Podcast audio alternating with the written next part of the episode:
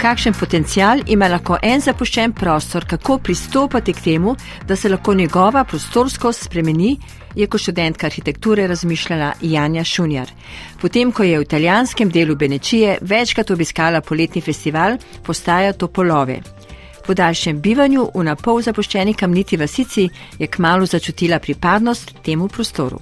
In sem potem ob koncu fakultete, ko se je bilo treba odločiti, pa zdaj, čemu pa zdaj nameniti svojo pozornost, svoje raziskovanje, nekako ugotovila, da je to bil v bistvu en prostor, ki me je mogoče najbolj zaznamoval in oblikoval, oziroma tudi vplival na neko dojemanje sveta. In sem se mogoče malo radikalno odločila, da grem kar tja. In v pol leta, približno pol leta, sem se dala, da pač nekako študiram tam v miru, seveda so bili zraven tudi drugi projekti, da probam ugotoviti, kaj bi bilo za ta prostor najbolj pomembno.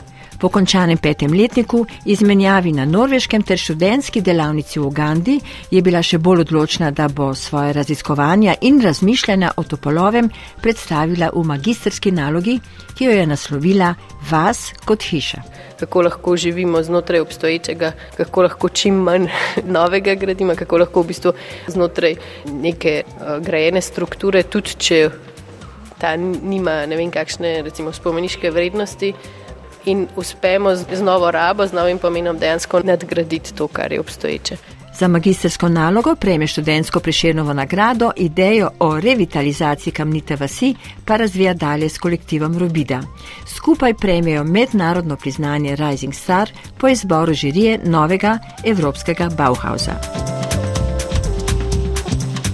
Kaj je tisto, kar je tako supljivo v tem kraju in tudi sama vas je impozantna ne, s temi uličicami in majhnimi trgci, kar je značilnost teh vasi seveda?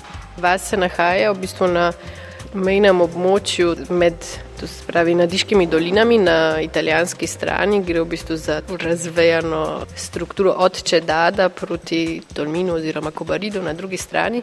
Mislim, da je na nadmorska višina okrog 680 metrov.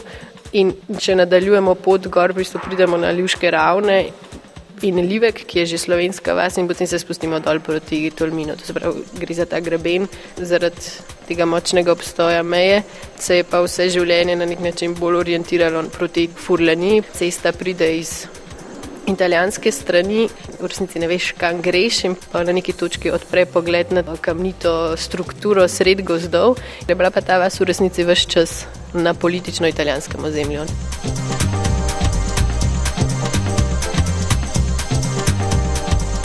Je bilo pa v bistvu to območje, sploh takrat, ko je vas živela, dejansko kultivirano in tudi okrog vasi je zanimiva kulturna krajina eh, suhozidnih teras, da je to vse zaraščeno.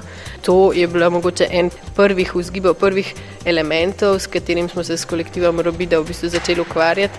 Eh, je nas je fascinirala v bistvu ta kulturna krajina in ta ideja skrbi za ta prostor, In smo v bistvu en prvih naših akcij bilo raziskovanje tega, čiščenje teh teras, ugotavljanje, kaj je v bistvu gozdna arheologija, oziroma smo v bistvu probali priti do nekih struktur, ki so v zimskem času dejansko bolj prisotne, ker eh, listi odpade in jih vidiš. In smo nekako skozi to tudi začeli razmišljati o tej širši krajini, ne samo dejansko o vas, ampak v bistvu tudi temu prostoru, ki vas obkrožen.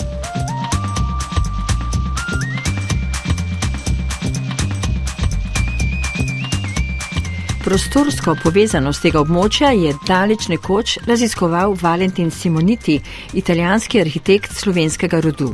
V resnici je on naredil tudi eno študijo krajinskega parka, ki bi se vil od Čedada do Škofje Loke. Tle je včasih tekla neka trgovska pot in je grajena arhitekturna dediščina, je v resnici zelo povezana. Kljub temu, da je bil prostor zelo ekonomsko in politično vezan na ta italijanski del, je vseeno iz prejšnjih časov ostala še vedno neka ta povezanost um, s slovenskim prostorom.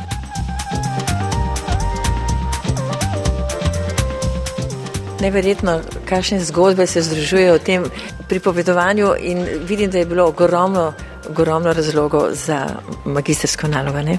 Ja, v resnici, sigurno so bile neke teme poetike prostora, krajine, zelo pomembne skozi sam proces, so se pa dejansko in tudi mogoče ohranjanje dediščine in razmišljanje o dediščini.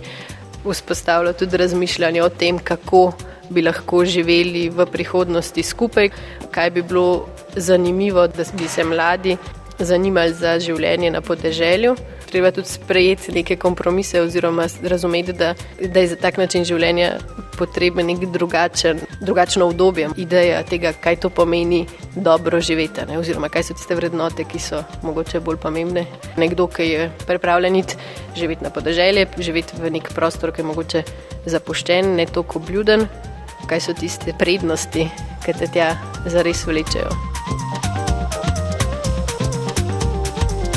Prva in morda najpomembnejša mi razlaga Janja Šunjar je bila gotovo lastna izkušnja bivanja v vasi. Je bila to ena boljših izkušenj, čeprav tudi takrat smo živeli zelo uh, robinsonsko. Tudi dejansko je bila kakšna noč bolj hladna, kakšen dan brez elektrike, mal ne navaden, ampak v resnici zdaj z nekim oziranjem nazaj pa zelo hvaležno gledam na ta čas. No.